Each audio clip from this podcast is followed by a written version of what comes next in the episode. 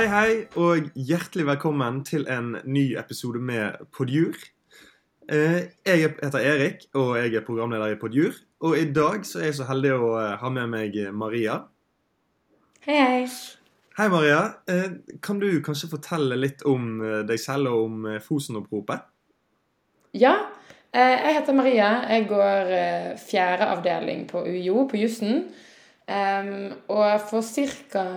en måned siden så har meg og noen medstudenter eh, startet dette som heter Jusstudentenes Fosen-opprop.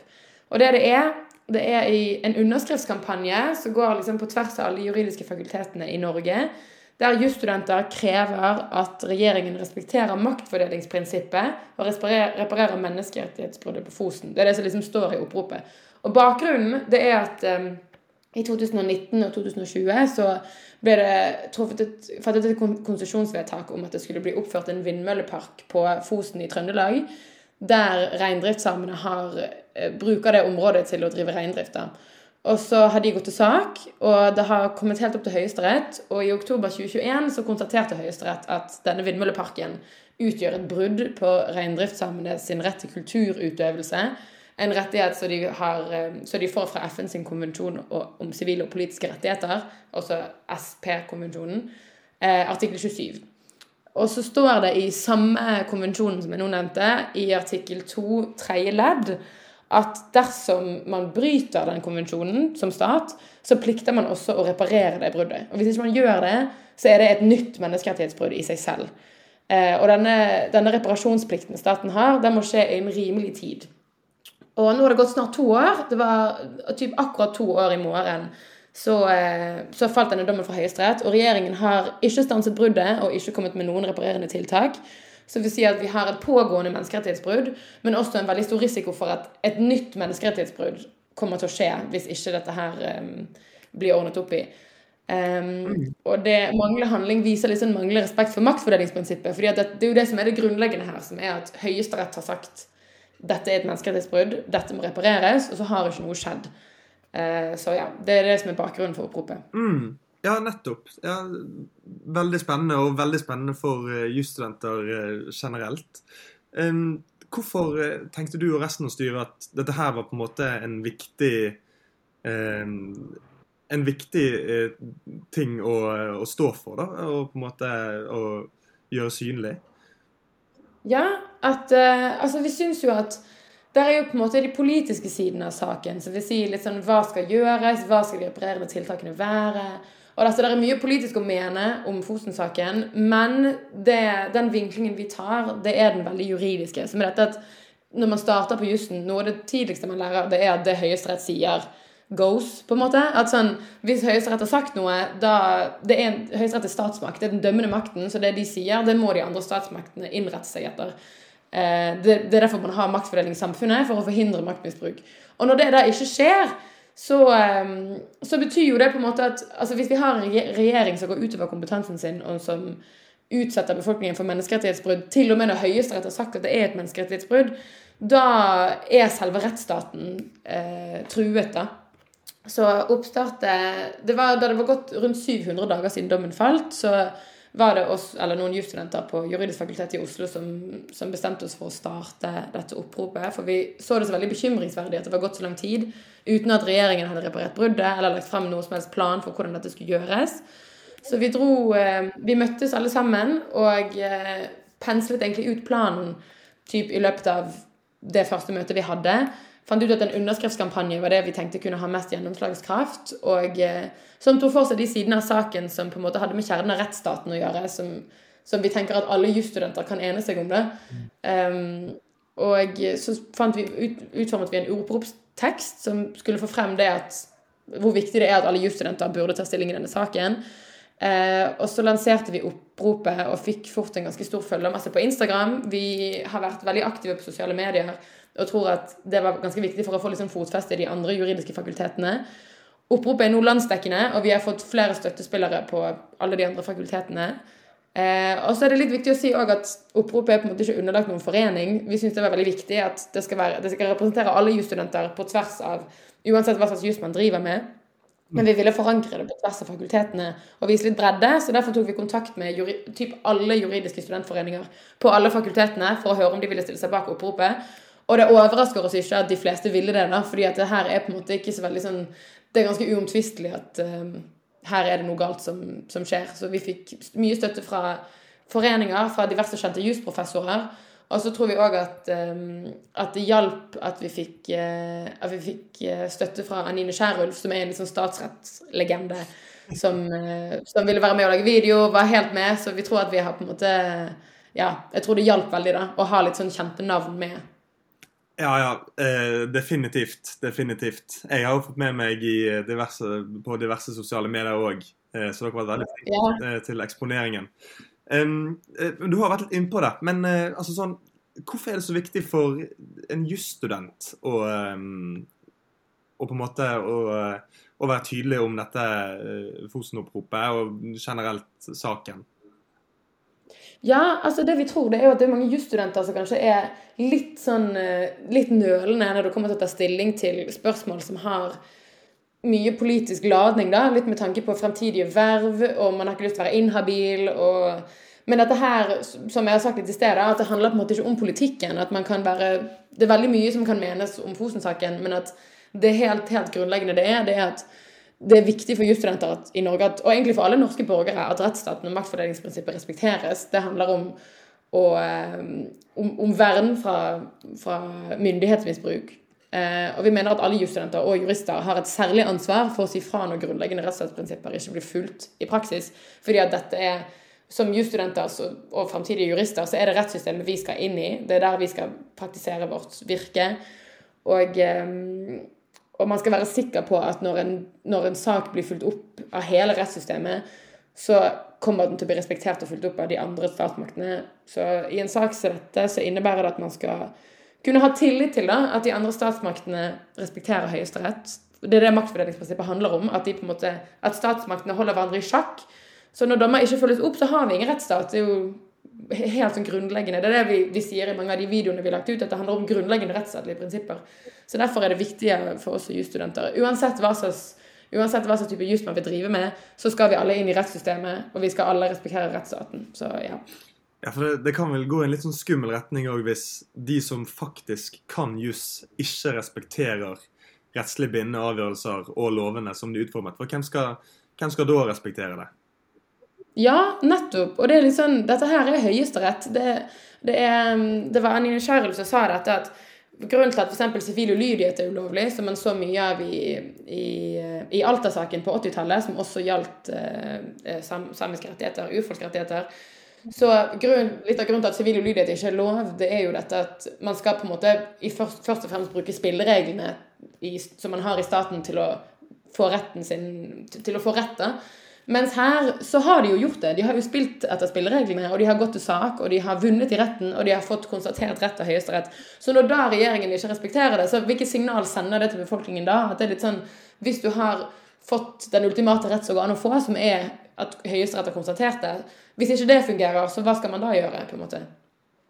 Ja, Det er litt sånn skummelt, egentlig, at eh, statsmakten i Norge ikke respekterer en, en bindende rettsavgjørelse.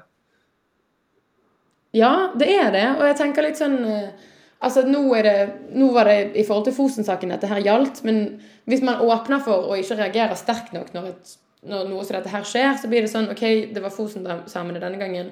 Det, man føler seg jo litt sånn på bar bakke. Det, det, kan være hvem som helst neste gang. Hvis vi har en regjering som ikke lytter til de andre statsmaktene. Det er en veldig farlig vei å gå ned, så derfor er det viktig å på en måte reagere sterkt, si tydelig ifra når noe som dette skjer, for å, for å sørge for at det ikke at det ikke blir tilfellet i den norske staten. Ja, og Er det noen indikasjoner på at staten holder på å snu i, i dette spørsmålet her? Altså, de har, eh, de har, hatt noen møter. Ingen vedtak har blitt fattet, ingen tiltak har blitt iverksatt. Og det er jo litt sånn Hva de reparerende tiltakene skal være, det er jo et politisk spørsmål. Og hva man skal gjøre med disse vindmøllene, hvordan man skal gå frem for å sørge for at de, de Fosen-samene sin rett blir ivaretatt det er jo i stor grad et politisk spørsmål, så det er litt sånn utenfor det Fosen-oppropet um, tar stilling til. Men det vi vet, det er jo at de plikter å iverksette reparerende tiltak.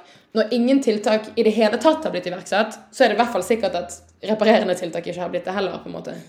Mm. Ja, for, for sånn som jeg har forstått det, så er vel et av de vektige argumentene til, eh, til regjeringen eh, at uh, Høyesterett ikke har sagt hvilke tiltak som skal gjøres. Ja, nettopp. Det er, det er det, at de har vekt altså det, Og det vil jo på en måte bli for Høyesterett å tre litt inn i lovgiverrollen. Det var litt det som skjedde det sammenlignet med klimasøksmålet. At Høyesterett kom til at sånn, det blir utenfor vår kompetanse å tre for langt inn i hvilke tiltak som skal fattes, og hva som skal gjøres. Men at noe må gjøres, det er jo på en måte ikke eh, tvil om, da. Mm. Og eh, ja, og så litt om eh, dette Fosen-oppropet. Hvor mange signeringer har dere fått så langt? Vi har faktisk eh, I dag er siste dag som går an å signere, så vi, har, vi, sitter og teller. De kommer inn fortløpende. Nå, sist jeg talte, så hadde vi 872 underskrifter. Oi. Og det er fra, fra universiteter fra der man kan gå rettsvitenskap i hele landet. Så vi har ganske bred oppslutning. Og det viser jo òg noe med at sånn, hvor viktig sak dette er, da, og hvor grunnleggende det er. og ja, ja, ja, soleklart. Det, da har dere fått veldig mange signeringer kun fra jusstudenter. Mm. Eller har andre vært med òg?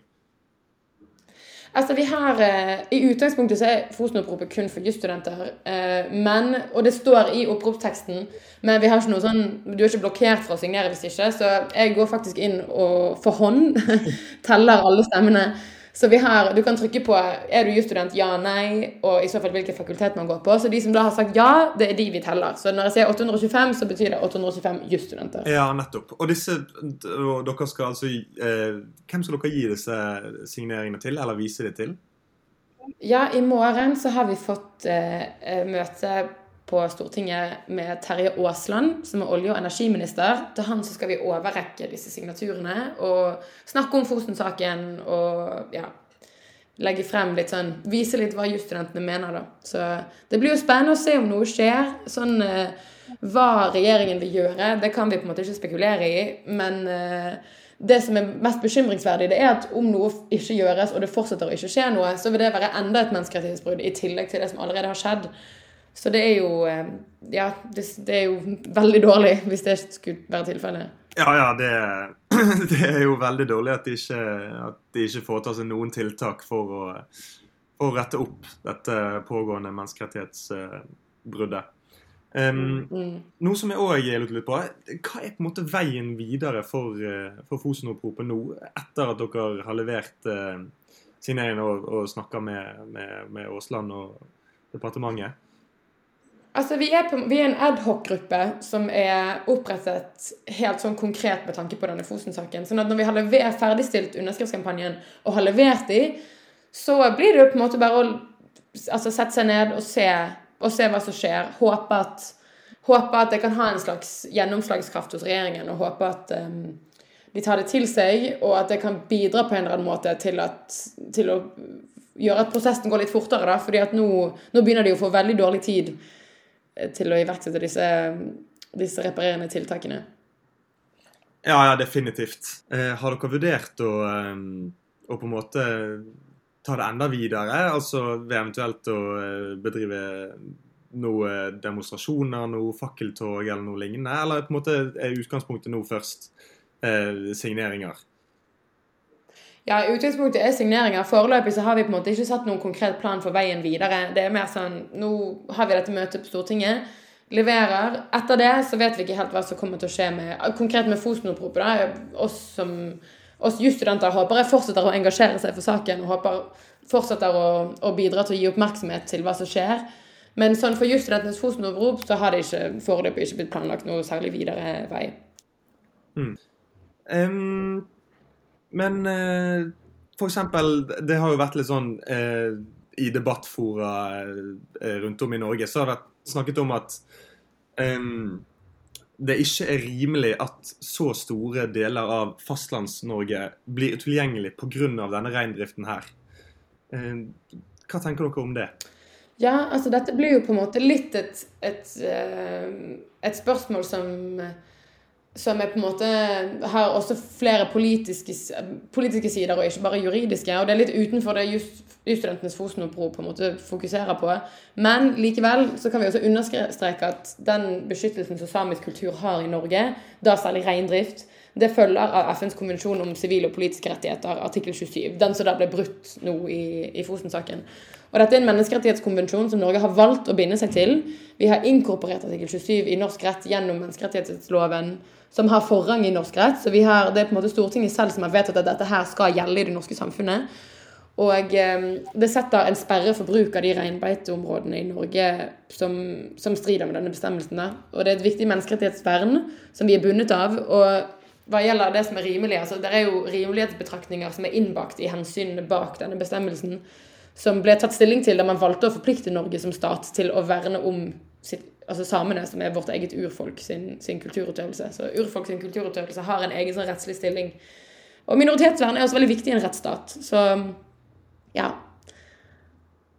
Mm. Så den norske stat kan ikke komme unna med at de nå angrer på at de eh, inngikk avtalen, og at de nå ønsker å korte ned eh, samenes vern Nei. på Fastlands-Norge. Nei, og dette her er også snakk om denne vindmølleparken. Er, jeg tror, jeg er ikke 100 sikker på dette, men jeg mener å ha lest at det er snakk om Nord-Europas annen største vindmøllepark. eller noe. Den er på 60 kvadratkilometer, så det er en enormt stor vindmøllepark. Så det er på en måte ikke snakk om et lite område, det er snakk om ganske store landområder som er veldig sentrale for, for reindriften til Fosen-samene. Så det er jo, uten å si noe om hva vi mener reparerende tiltak burde være, så kan det jo sies rimelig sikkert at at det vil være ganske ressurskrevende, fordi at den vindmølleparken står ferdigstilt, og den er enormt stor. Eh, så det vil ikke være Det vil ikke være enkelt å skulle, å skulle gjøre noe med den, da. Den er jo der nå, på en måte. Ja. Nei, det er nok helt sant. Um, ja, med det så uh, sier jeg tusen takk til deg, Maria. Ja, tusen takk for meg. Det var så hyggelig å få være med.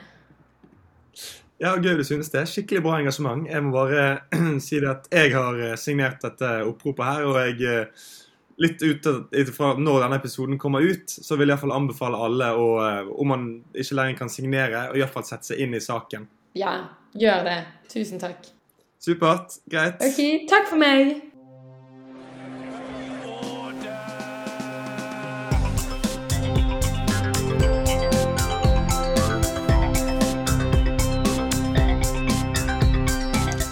Podkasten er laget av Podjur, som er en undergruppe i Juristforeningen.